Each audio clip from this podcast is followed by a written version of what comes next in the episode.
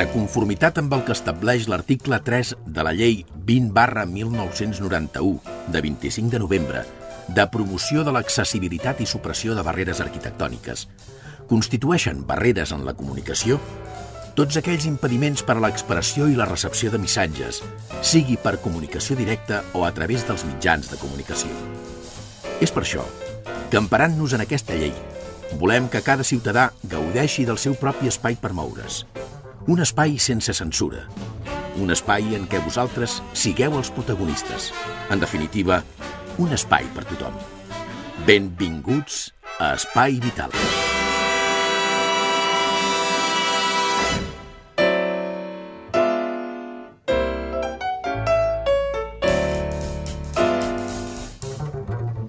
Senyores i senyors, què tal com estan? Benvinguts, ben trobats, un dia més, a un programa més.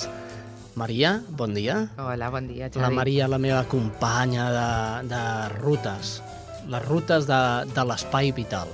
Avui a l'Espai Vital eh, el comencem, mm, com sempre, dient 3, 2 o 1.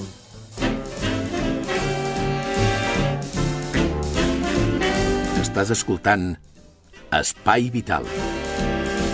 I després d'aquest 3, 2 o 1, eh, 3, 2 o 1, Maria, presenta'ns el nostre convidat. Benvingut. Ell es diu Antoni Manyés. I qui és? Doncs l'Antonio Mañas és un consultor independent especialista en química verda de la dolça revolució de les plantes. És un químic i és expert en plantes medicinals, aromàtiques, fitofàrmacs, fitocosmètics i fitofortificants. I ens semblava molt interessant portar-lo avui perquè amb aquests canvis de temps ja saps, Xavi, que hi ha molta gent amb refredats, amb possibles grips, i vam dir, i per què no eh, tractar el tema natural, no? En plantes, sobretot en plantes, perquè parlarem avui molt enfocat a la fitoteràpia, que són teràpies naturals només basades en plantes, i l'Antònia és una experta de composicions, perquè un dia sí ens fa un efecte, una altra persona no li fa el mateix efecte, i de tot això ens ve a parlar. Benvingut, bon dia. Bon dia, gràcies per Molt bé. invitació. Antonio, eh, en quins formats ens arriben les plantes a casa? O hem d'anar al mercat o hem d'anar a comprar-ho a algun lloc concret? Eh, com, com ens arriben les plantes medicinals per nosaltres poder-nos aprendre aquestes plantes? Bueno, podem anar des de la persona que té un hort o té una, a la terrassa seva pues, es planta la, la planta medicinal Mm -hmm. i se la pren eh, tal qual, fresca, no?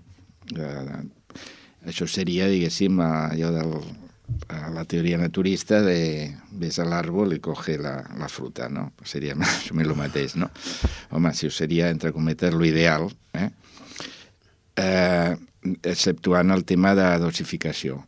Bé, a partir d'aquí, pues, una planta normalment eh, no es pren eh, fresca, sinó seca, secada adientment, que això és important, perquè no es perdin els principis actius. D'aquí es pot fer una infusió, o a partir d'aquí també es poden fer comprimits, càpsules en dosis diferents eh, de contingut de la planta. Amb aquesta mateixa planta es poden fer extractes i eh, que són productes més concentrats que tenen diferents eh, varietats en líquid o sòlid o extractes purificats. O sigui, hi ha una varietat molt àmplia de, de com ens arriben aquestes plantes. Antonio, quins efectes tenen aquestes plantes? Perquè diuen sempre que la medicina eh, amb plantes naturals eh, li costa més el seu efecte que el químic. Això és veritat o no? No, no es pot generalitzar. Uh -huh. eh, per exemple, ara em ve al cap que un de les, de la camp molt important de, de les plantes és l'efecte laxant.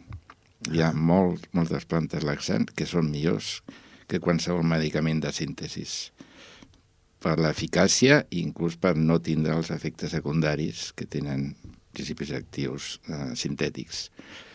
Eh, després hi ha pues, plantes que són simplement complements alimentaris, alimenticis, que, bueno, eh, preven, tenen efecte preventiu, per exemple, ara s'ha comentat el tema ara de, dels constipats i tal, com podia ser l'equinàcia, en forma de medicament de suc, no? Tal qual, o secat. Pot ser l'aloe, també, en forma de, de suc. I, bueno, mm, i a partir d'aquí, pues, mm, cada cas és... I, eh, no solament tenen les plantes autòctones, sinó d'altres continents, hi ha milers de plantes amb efectes terapèutics. Eh, jo vull ser més pràctic, Maria, avui.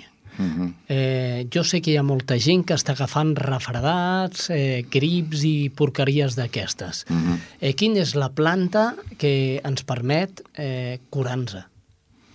Curar-se. O com a mínim prevenir-ho.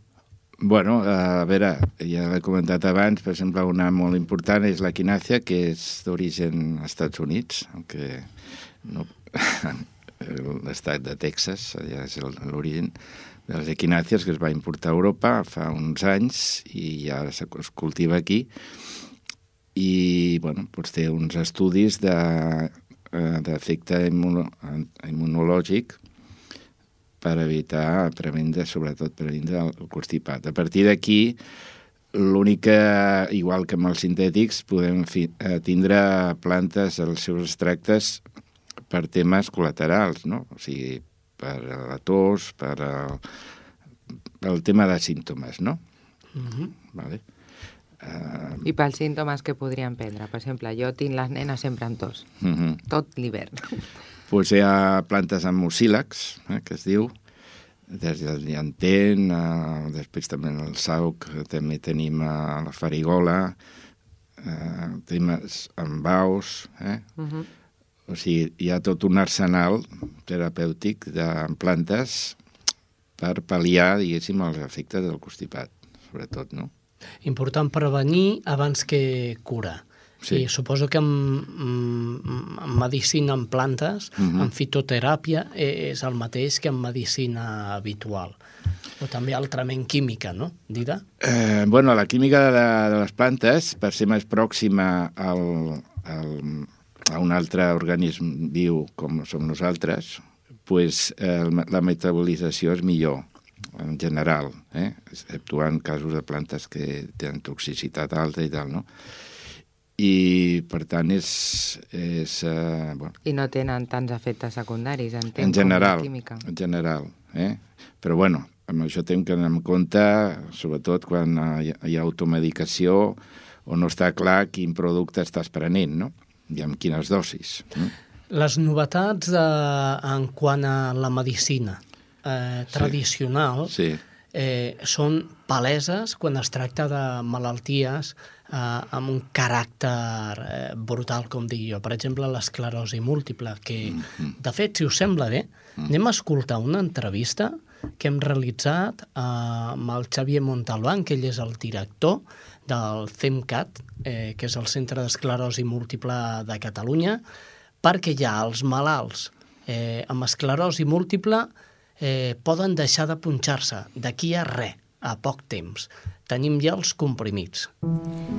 Mandile es de Zimbabue, tiene 15 años y es seropositivo. Ecedín es de Etiopía, tiene calazar. Sufre malaria. Tuberculosis. Mal de Chagas. El diagnóstico es complejo. Es una enfermedad que sin tratamiento es mortal. Sin embargo, su precio es alto para alguien sin recursos. El problema es muy simple. Sin acceso al tratamiento, no hay cura. A tu salud, Negash. A tu salud, Isaka. Si te duele que miles de personas no tengan medicinas para curarse, compra en tu farmacia las pastillas contra el dolor ajeno. Cada euro se destinará a tratar enfermos olvidados. Pastillas contra el dolor ajeno. Tú te las tomas, otros se curan. A tu salud, Ereni.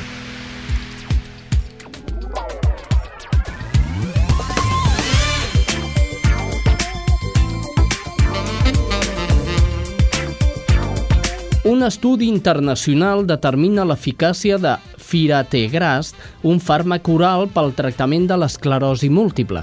Per parlar d'aquest tema, per parlar d'aquest estudi, tenim a l'altre costat de la línia telefònica a una eminència en aquest camp. De fet, és el director del CEMCAT, del Centre d'Esclerosi Múltiple de Catalunya, situat a, a l'edifici de Vall d'Hebron, bueno, l'edifici d'infermeria eh, pertanyent a Vall d'Hebron. Eh, ell es diu Xavier Montalbán. Eh, Xavier, bon dia. Bon dia. Eh, què és exactament el que, el que han trobat? Doncs el que hem trobat és que l'administració d'una pastilla, per dir-ho d'alguna manera, un tractament oral, eh, és capaç de disminuir el nombre de lesions inflamatòries que podem mesurar amb una ressonància magnètica amb més d'un 50%. No? I, aquesta és, I pràcticament amb un perfil de seguretat eh, molt alt. Això és una bona notícia perquè eh, un altre cop doncs, sembla que la utilització de fàrmacs orals i no només eh, injeccions eh, ens permetrà eh, disminuir o inclús aturar el fenomen inflamatori de l'esclerosi múltiple. Molt bé, això està en fase 2 sí, sí. a l'estudi. Eh, en quin moment passa a fase 3 i hi ha administració? Ara el fase 2, com, com vostè ja sap i perfectament, doncs és una, és una manera de demostrar amb un nombre, més o menys reduït de pacients, en aquest cas varen ser un 340 eh, pacients amb esclerosi múltiple, que el medicament és prou eficaç i prou segur eh, com perquè ens decidim a, a iniciar un tractament més ampli, no? que ja està en marxa, no? ja està el disseny en marxa, donat la positivitat dels, dels resultats, i ara doncs, eh, amb un nombre doncs, més elevat de, de pacients i ja no utilitzant diguem-ne com, a prima, com a objectiu primari la ressonància magnètica, sinó ja utilitzant com a objectiu primari eh, l'efecte clínic, és a dir, el nombre d'atacs, no? el nombre de brots que té, tenen els malalts amb esclerosi múltiple, demostrar que funciona. I això ja, ja estem en marxa. De fet, hi ha, hi ha una paraula que és la regeneració o eliminació de les cicatrius que es produïen al cervell amb aquesta malaltia. Sí. Eh, eh, quins efectes té aquesta medicació? sobre aquest, vostè eh, està introduint un tema molt interessant que és absolutament en aquests moments de vital importància, que és el tema de no només aturar el fenomen inflamatori, que és el que fa que tinguem cicatrius o que tinguem neurodegeneració, sinó d'aturar el fenomen neurodegeneratiu i, si és possible, regenerar lo perdut. Eh? Que, que això seria eh, clau no només amb l'esclerosi múltiple, sinó amb altres malalties neuro, neurodegeneratives. Eh, aquest medicament, en principi, l'efecte que pot tenir sobre el, la regeneració del, te, del teixit cerebral o sobre la regeneració de les cicatrius, que hem parlat abans, seria indirecte. Seria mitjançant l'eliminació o supressió del fenomen inflamatori que produeix aquestes cicatrius. Però, aparentment, no tindrà un efecte directe sobre la regeneració del teixit cerebral. És a dir, que l'únic que fem és netejar. Mm? L'únic que fem és, és treure eh, tota la inflamació o part de la inflamació, mm. que és la característica fonamental de l'esclerosi múltiple, sobretot amb els estadis, estadis inicials, no? que és, hi, ha, hi ha inflamació i no la volem, perquè la inflamació no és bona eh, dins del cervell. I aquest medicament el que fa és netejar el cervell de fenòmens inflamatoris.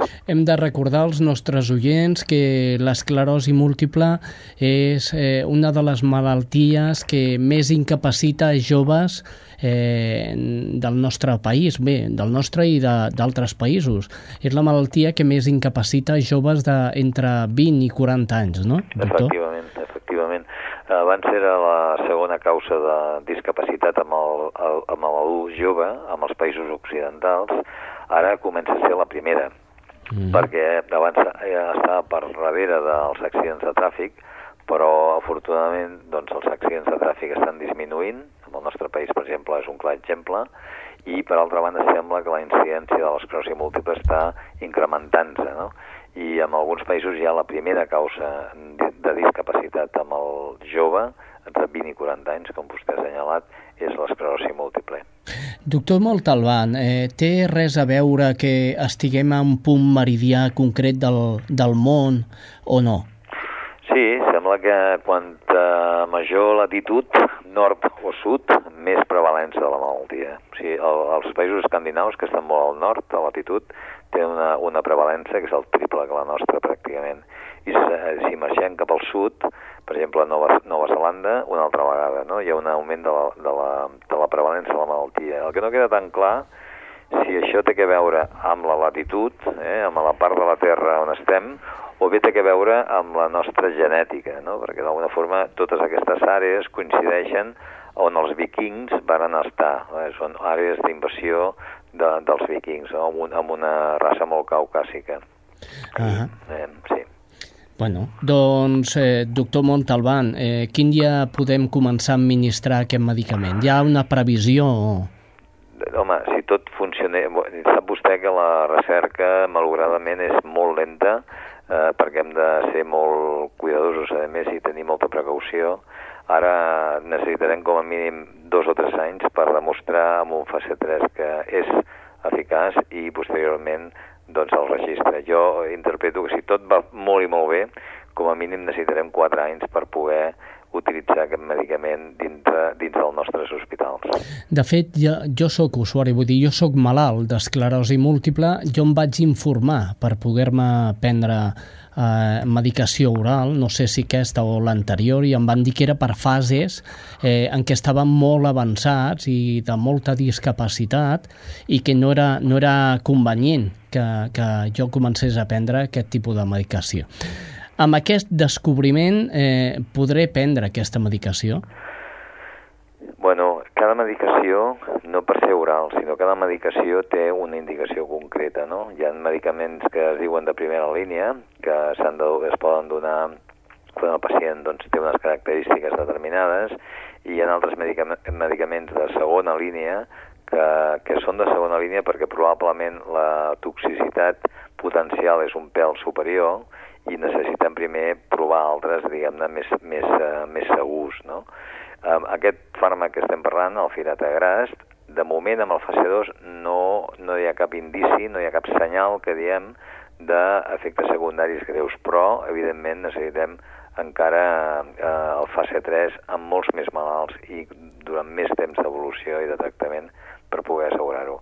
Si el benefici i el risc és satisfactori, serà un fàrmac de primera línia, no hi ha cap dubte, i vostè, jo estic absolutament convençut que sigui aquest o altres que estan venint i que estan al mercat, estic segur que, que podrà, podrà prendre'ls eh, sense cap problema si té les indicacions per, per fer-ho.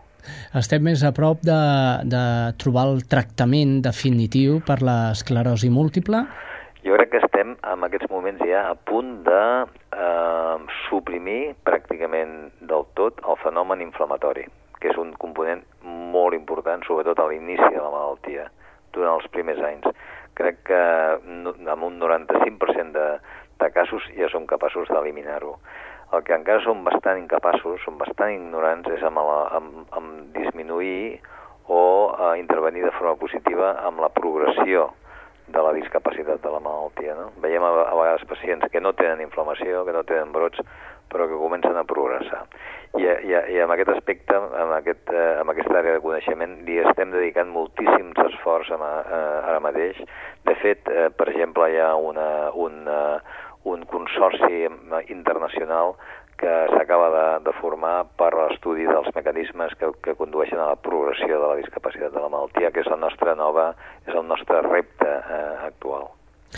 Doncs molt bé, doctor Montalbán, li agraïm moltíssim eh, que hagi tès els micròfons d'Espai Vital i l'animem a seguir investigant, com a mínim per la part que ens toca. Moltíssimes gràcies, Xavier. Gràcies a vostè i bon dia. Bon, bon dia. dia. Bon dia, adéu-siau.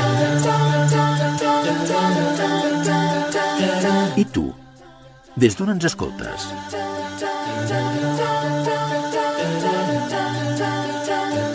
Espai vital sense fronteres. Molt bé, sense fronteres, des de Cerdanyola, Ripollet, Montcada, Barberà, Santa Perpètua i Sabadell. Ho he dit bé, oi, Maria? Crec que sí, que no t'has deixat. Sembla que sí, sí, sí. Molt bé, estem amb Antonio Mañés parlant de fitoteràpia. Maria, Correcte. Eh, què tenim ara? Doncs a mi m'agradaria que l'Antonio ens expliqués, eh, a veure, a, a nivell químic, uh -huh. a nivell químic, no? Perquè nosaltres volem prendre un remei de planta natural, uh -huh. anem a comprar-ho a una arboristeria, entenc, que és el que tenim més a l'abast, que també podríem adquirir-ho En farmàcia, també. en farmàcia i també, clar, com no, ell ve en qualitat d'assessor de la Dolça Revolució de les Plantes, que és una associació que té la seu a Balaguer mm. i, i allà cultiven les plantes mitjançant la pàgina web. Mm. I en quina, en quina composició és més efectiva? En gotes? O hem de mirar nosaltres el percentatge? Com ens assessorem perquè veritablement tingui efecte? Mm -hmm. Bé, eh, no, no té una sola resposta al uh. -huh. tema, perquè és complexa. Eh, però, bueno, d'entrada, eh, com he dit abans, podia ser, pues, com fa el Josep Pàmies, o sigui, cultivar i després eh, comprar la planta i, i utilitzar-la. O bé, pues, ja és un producte manufacturat. A partir d'aquí, eh, primer, que estigui ben, ben clar quin producte ens estan venent, que ho posi, si és una planta seca, amb uns mil·lígrams, si és unes gotes o un xarop, pues, que posi realment la composició. Si li estem demanant a un cosmètic avui dia que ens posi els ingredients, pues, -huh. que menys que, que també un, un producte que ens prendrem, no? Diguem I- que ha de portar prospecte. eh, tindria que portar prospecte. El tema, a vegades per temes legislatius, no ho porta. Eh? En el cas de que no ho porti, doncs, o bé, com a mínim, té que posar el que és la capsa pues, uh, un mínim d'informació, no?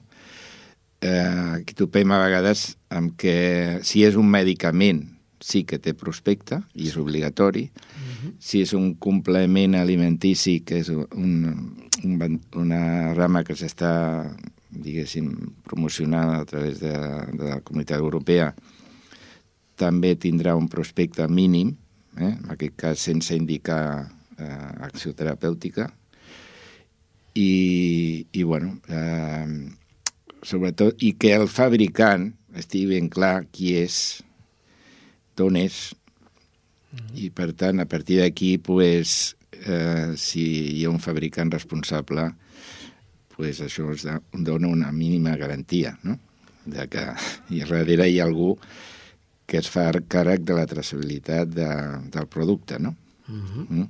Eh, no, no tots els productes mm, de plantes medicinals Mm. actuen de la mateixa manera. Mm -hmm. Suposo que, eh, eh, per exemple, un, una mateixa planta pot actuar millor o pitjor segons el format, que és el que parlàvem ara, Sí, segons el format que tingui.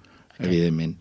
El format i, i la qualitat amb la seva manufacturació, la seva producció del producte final, no? Mm -hmm. Estem parlant de, de que la química de les plantes és, eh, molts principis actius són làbils, o sigui, són perecederos, entre cometes, sí. i per tant, si una planta està aixecada de mala manera, doncs, mm, els principis actius s'han perdut. Ah. Això, això moltes vegades la gent no ho sabem. Qui ho controla, això? Eh, si hi ha darrere una empresa eh, que estigui sota una reglamentació farmacèutica, dietètica, cosmètica, pues té que controlar-ho, uns anàlisis, no? No solament de principis actius, sinó també de contaminants, no? Cosa que també és important, no? Doncs avui dia. Plantes contaminants eh, que tinguin doble efecte, és a dir, que tinguin la part beneficiosa, mm. -hmm. però també la part contaminant. En trobem moltes? Uh, bueno, mm, ara diré una cosa que potser a algú li, li estranyi, però hi ha ginseng al mercat Digui-ho, digui que això ens agrada. procedent de, de Xina, sí. que no és perquè sigui culpa dels xinos en principi, sinó perquè el ginseng és una arrel que agafa del sol, de la Mhm. terra, agafa tot el que troba. Ah. I, entre cometes, pot trobar eh, pues, eh, contaminants pesticides de fa anys. Mm? Per tant, eh, aquests pesticides van a parar a l'arrel i, i aquesta arrel arriba al mercat. Sí, conclusió, que no pot cultivar tothom, això. Uh, per, per sort aquí no hi ha ningú aquí eh, a Espanya, a Catalunya ningú a qui li puguis donar la culpa perquè aquí no, és impossible no, no es cultiva el ginseng ni, però diguéssim a, a, la, a, la, a les importacions que es fan mm. és un tema que es tindria que controlar mm. Jo crec que una mica el nom de l'associació La Dolça Revolució mm -hmm. va una mica lligat a això, no? És una revolució mm -hmm. dolça, perquè anirem a poc a poc, però com parlàvem abans, hem tornat una mica enrere i mm. sí que eh, seria més garantia d'èxit si mm. nosaltres anem directament a comprar el senyor aquest a Balaguer, no?, que es diu... Sí, sí, Pàmies. El Pàmies, Pàmies sí. i podeu trobar més totes les plantes que cultiven allà, perquè veritablement allà està controlat, són mm -hmm. plantes controlades, amb un control de qualitat, mm -hmm. i una traçabilitat, sabem qui i què fa, Exacte. i com arriben en quantitats mm -hmm. i efectes, sí. i podeu trobar més informació a www.dolcerevolució.cat mm -hmm.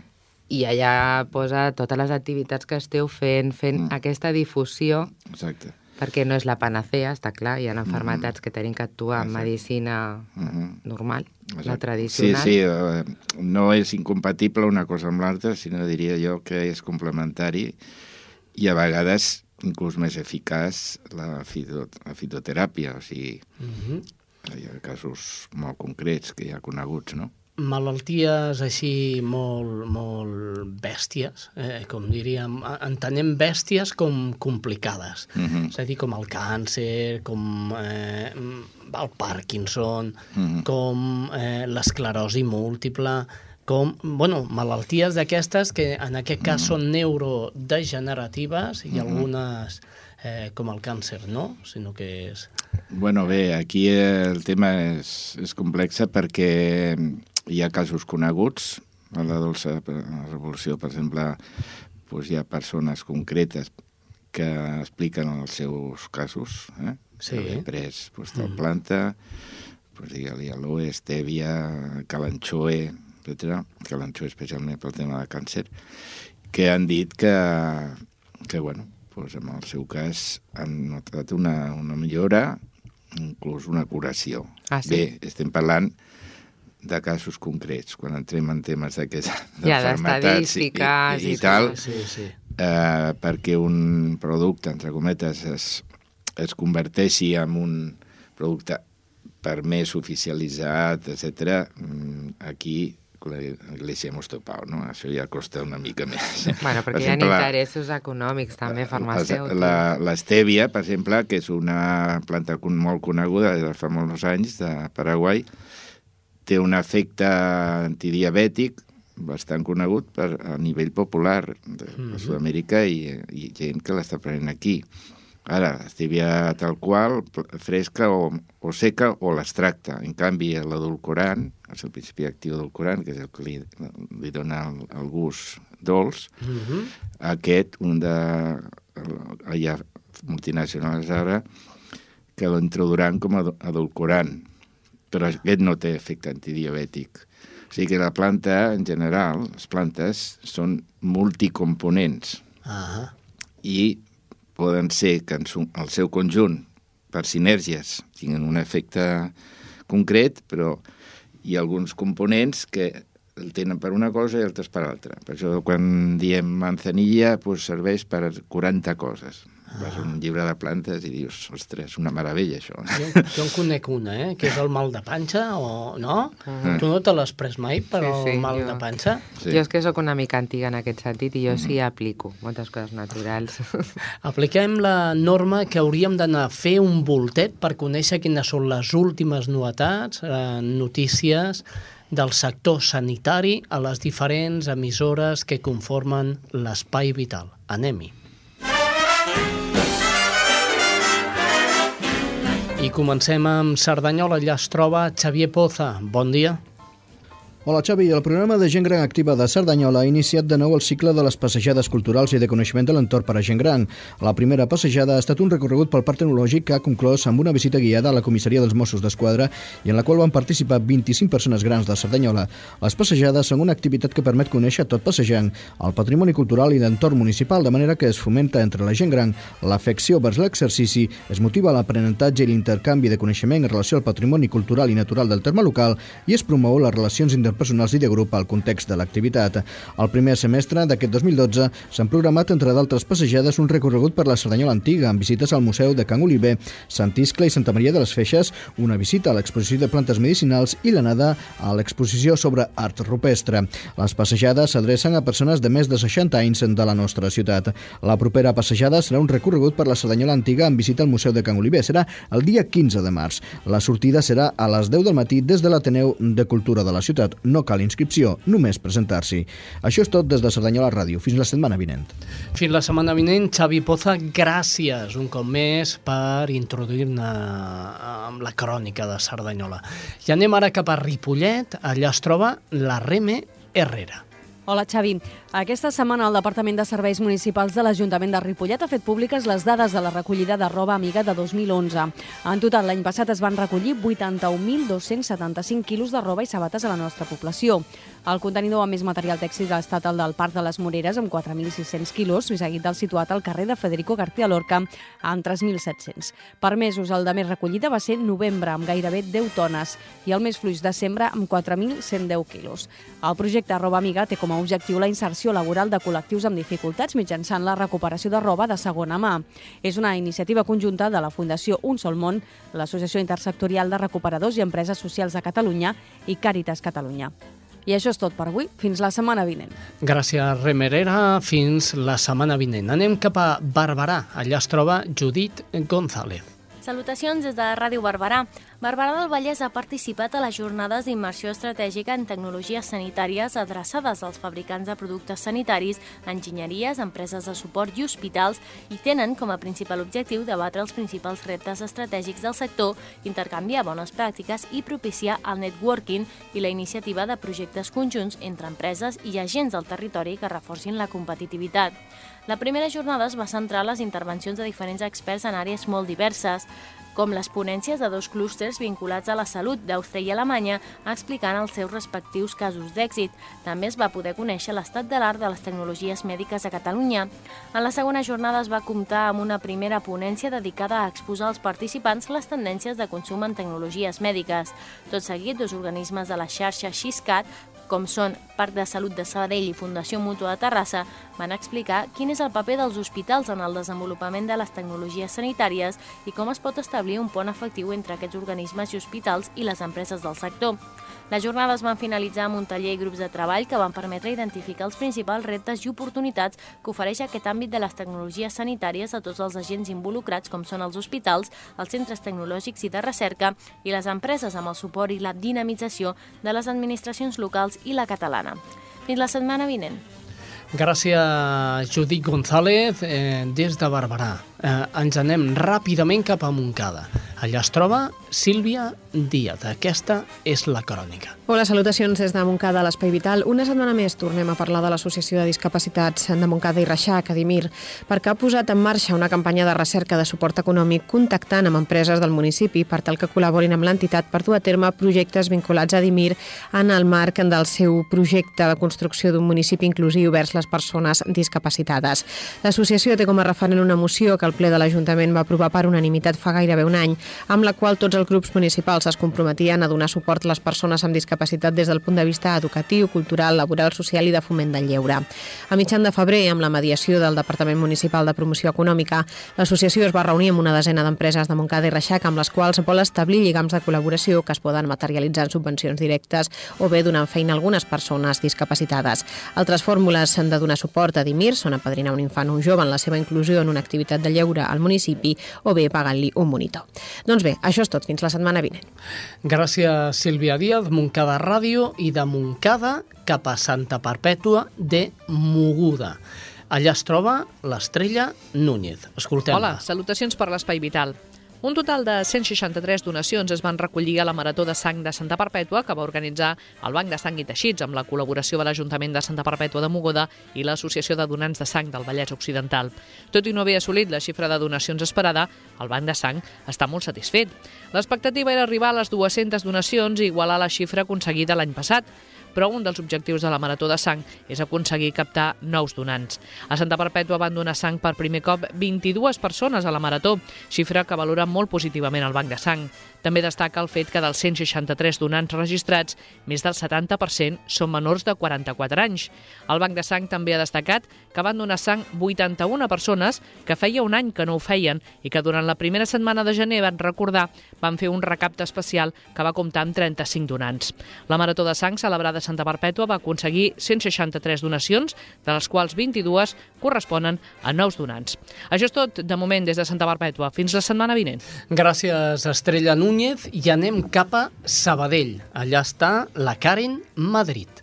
Salutacions des de Sabadell. Avui us expliquem que el Taulí ja ha fet entrega de les dues beques d'investigació sobre càncer de còlon d'aquest any. Es tracta d'uns ajuts econòmics de 60.000 euros cada un, impulsats per la Fundació Olga Torres, que van destinats a projectes postdoctorals. Aquest any s'ha triat entre 25 iniciatives d'investigació d'aquesta malaltia. Els dos doctors guanyadors poden desenvolupar ara els seus treballs sota la direcció d'un doctor de Ciències de la Salut en un centre reconegut de l'estat espanyol. Després d'aquesta entrega, la Fundació Olga Torres obrirà el pròxim 15 de març la convocatòria de beques per l'any que ve. És tot des de Sabadell.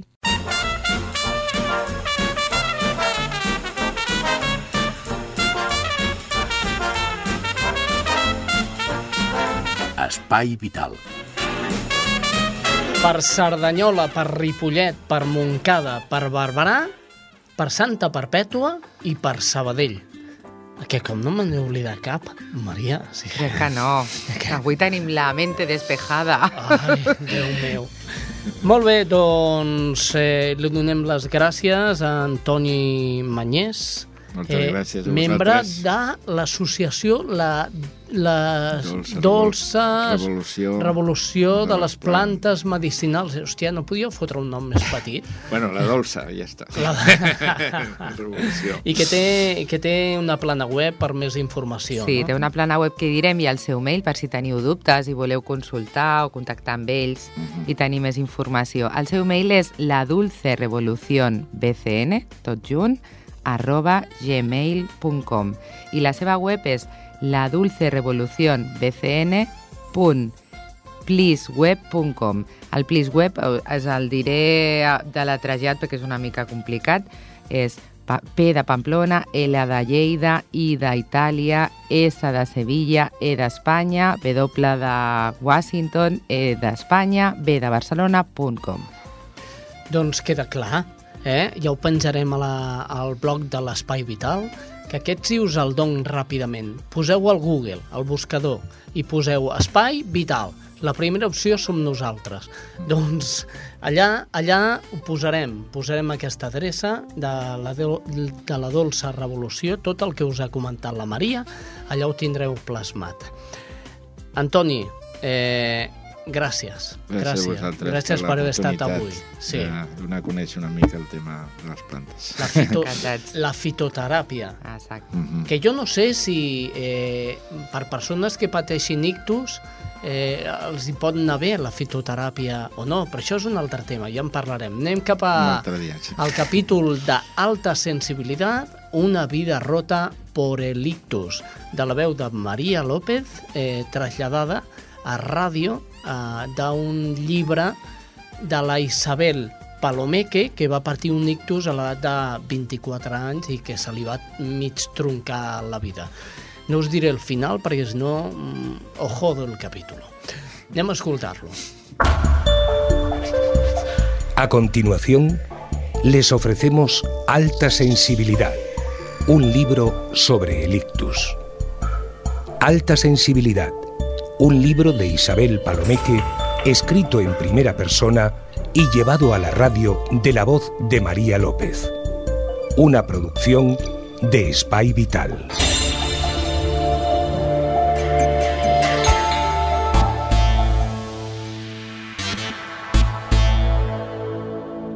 He visto como enfermera que toda enfermedad es una prueba para la fortaleza de una persona y de los que la rodean. El impacto de la noticia, los sacrificios que implica todo el proceso, las secuelas, la vida que queda después. Los primeros días la habitación de un enfermo es un punto de reunión constante. Las atenciones se multiplican, las visitas se mantienen fieles hasta que el tiempo diluye el compromiso y las ganas. Poco a poco, compruebas cómo la misma habitación pierde su particular bullicio, se vacía y las horas de visita pasan ya sin el trasiego inicial. Las enfermeras somos entonces la única presencia constante para un paciente que ya adivina que la enfermedad está cambiando algo más que su cuerpo y extiende la soledad con metástasis por todas partes. Lo había visto antes. El sufrimiento del enfermo que en plena lucha por su supervivencia todavía debe ver cómo se fragmenta su vida personal. Es el caso de maridos y mujeres que no desean continuar con el lastre de la deficiencia o la incapacidad, hijos que se desdicen en aras de su independencia, amigos que deben seguir con sus propios quebraderos de cabeza. En definitiva, todos acaban saliendo fuera del cuadro final. Sin embargo, yo era afortunada. Meses después del ictus, mis padres y la mayoría de los amigos se mantenían a los pies de mi cama. Curiosamente, recibía incluso la generosa dedicación de personas como Ana, novia de mi hermano mediano, que hizo suya mi recuperación, involucrándose más allá de lo que se puede imaginar. Ella se convirtió en mi mejor amiga, en un igual a quien de tú a tú podía explicarle cómo me sentía desde mi particular prisión del aislamiento físico y psíquico. A ella me confesé con medias palabras, con silencios, con balbuceos que siempre eran bien recibidos, porque Ana es una de aquellas personas que saben escuchar y que me supo escuchar cuando yo empezaba apenas a aprender a articular mis primeras palabras. Pero me llegó también la hora de perder, y en mi caso, la quiebra llegó de la mano del amor. Con 24 años, no podía decir que mi vida amorosa fuera demasiado extensa ni estable. Hacía un par de años que había conocido a Oscar, un chico guapísimo, seguro de sí mismo y con un proyecto de futuro muy claro que me costaba hacer mío. Nos habían presentado durante una noche de fiesta, en un bar. Aunque habíamos empezado a salir medio en broma, nuestros encuentros se volvieron cada vez más frecuentes. No sé muy bien cómo, pero poco después las familias se conocían y sin preverlo caminábamos directos hacia un compromiso que realmente no deseaba. Me dolió por Oscar, pero estaba segura de que nuestra relación no podía continuar sobre todo porque me estaba enamorando de otra persona. ¡Eh! ¿Me pasas aquellos historiales? Había empezado mi turno en la clínica y agobiada di media vuelta para atender la demanda de una voz que no reconocía. Disculpa, pero los historiales son una información reservada de los pacientes y solo pueden ser consultados por el personal de este centro. ¿Quién? Antes de acabar mi pregunta, Rougier ya me estaba replicando con una medio sonrisa. ¿Cuánto tiempo llevas trabajando aquí? Su desvergüenza me sacó de quicio y le respondí que eso no era asunto suyo y que hiciera el favor de dejarme trabajar en paz. No fue un buen comienzo. Yo era una enfermera novata que no había reconocido al jefe de guardia, mi superior, Rougier, y con quien debería pasar prácticamente todos mis turnos. Rougier como Ana, durante mi primera convalecencia, se convirtió en el gran amigo que uno necesita en la vida. Nos explicábamos todo, las dificultades, los proyectos, las aspiraciones, el día a día sencillamente. Sin darnos cuenta, empezamos a ser imprescindibles el uno para el otro. Nuestra complicidad era máxima y siempre sabíamos cómo hacernos reír, cómo consolarnos, cómo apoyarnos mutuamente. Me enamoré de él desde nuestro primer enfrentamiento, pero antes de ser mi amante, fue sobre todo mi compañero, mi mitad gemela. Sé que parece demasiado idílico, pero es el recuerdo de una jovencita de 24 años enamorada y entusiasmada con una pareja a la cual se entregaba al 100% a sabiendas de que jamás sería suyo. Ruye estaba casado y yo tenía a Oscar. Los dos nos necesitábamos en medio de relaciones poco maduras e insatisfactorias, y este fue un vínculo más en nuestra unión. El día que acabé la relación con mi novio, Oscar sabía que Rouget daría el paso definitivo que nos convertiría en amantes. Y así fue durante seis meses. Una etapa feliz, en la que jugábamos a explorar si continuaríamos juntos o no. Por mi parte, yo aspiraba a marcharme al extranjero, continuar con mi formación en Londres o Milán y de paso conseguir que él se decidiera a venir conmigo. Por la suya, quién sabe. Se sentía dolido porque no quería renunciar a irme y quedarme a su lado, pero ni el uno ni el otro nos sentíamos con autoridad para disponer cómo debía ser aquella relación. Con el ictus, Rouget había continuado con su papel de ángel de la guarda, sin dejarme en ningún momento y haciendo un frente común con mis padres en las decisiones médicas más difíciles. Yo me sentía unida a él más que nunca, desesperadamente. Él era el horizonte al cual demostraba que me recuperaría, que volvería a ser la Isabel que la amaba y deseaba, con quien dar los pasos necesarios para borrar toda esta pesadilla de incapacidad y aislamiento. Siete meses después del ictus ya en casa, Rouget vino a buscarme para ir a cenar, como cualquier otra pareja. Todavía tenía muchas dificultades para hablar y para que otro me comprendiera. De hecho, todavía necesito este feedback de comprensión por parte de mis interlocutores a fin de que comprenda lo que realmente quiero decir. No obstante, las palabras tampoco fueron necesarias para saber, para ver y entender lo que realmente estaba pasando. Rouget me ayudó a entrar en el coche y antes de arrancar el motor, de su boca salieron las palabras que me debían sumir en la depresión más profunda. Es mejor que continuemos como amigos. Una frase corta, seguida del silencio y la evidencia de que el amor ya se había marchado, que se había diluido con aquella frase y con su mirada avergonzada. Ya no teníamos nada más de qué hablar. Mi amigo, mi confidente y mi amante renunciaba ante una mujer que quizás había amado, pero que ahora le infundía pánico. Adiós, amor, adiós. Y hasta aquí, Alta Sensibilidad, un libro sobre el ictus. Alta Sensibilidad, un libro de Isabel Palomeque, escrito en primera persona y llevado a la radio de la voz de María López. Una producción de Spy Vital. Alta Sensibilidad, un libro de plataforma editorial.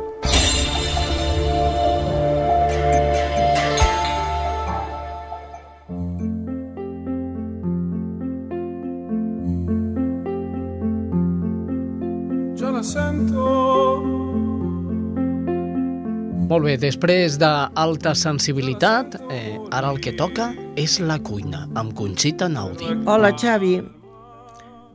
Avui et porto una pizza Sant Domènec, recepta conventual italiana. Poi si toglie anche l'ultimo vero, anche l'ultimo Els ingredients són per sis persones. Heu d'agafar sis bases de, bueno, bases d'aquestes de pasta per a pizza, que això ho podeu trobar al supermercat, eh? Uh, no cal fer-la, no, no us amoïneu. 200 grams de tomàquets pelats i ratllats. 200 grams de mozzarella. 50 grams de formatge parmesà ratllat.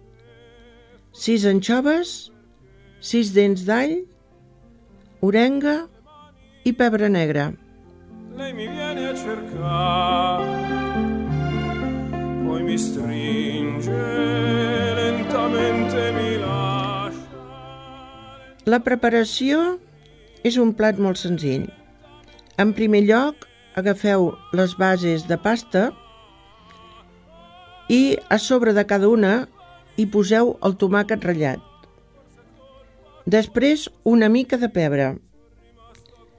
La mozzarella ratllada a trossets, les anxoves posades de forma que facin una estrella, perquè quedi adornada la pizza, i a sobre s'hi tira el parmesà i l'orenga, i una mica d'oli per sobre.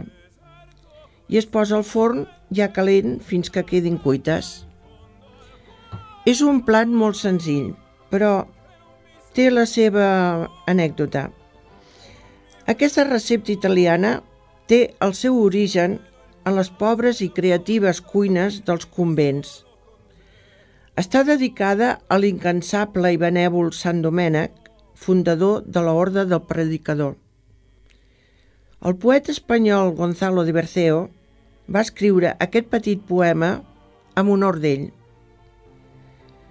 Qui pudo ver cuerpo tan palaciano, ni que tan bien pudiese yogar a su cristiano? Nunca vino a él ni enfermo ni sano, a qui no alegrese su boca o su mano. Espero que us hagi agradat i fins aquí. Fins la setmana que vinent. Doncs senyors, amb aquesta música marxem. Eh, eh, els records d'Antoni Mañés o Mañés. No, Mañés. Mañes, No, jo ho dic com em dóna la gana, tu digueu com vulguis. La Maria López, el Xavi Casas i el Jordi Puig, una setmana més hem estat aquí reunits. Quin tema tenim, Maria? Imagine, de John Lennon. I jo vull imaginar un món millor. Gràcies, Antonio. Va per tu. Adéu-siau.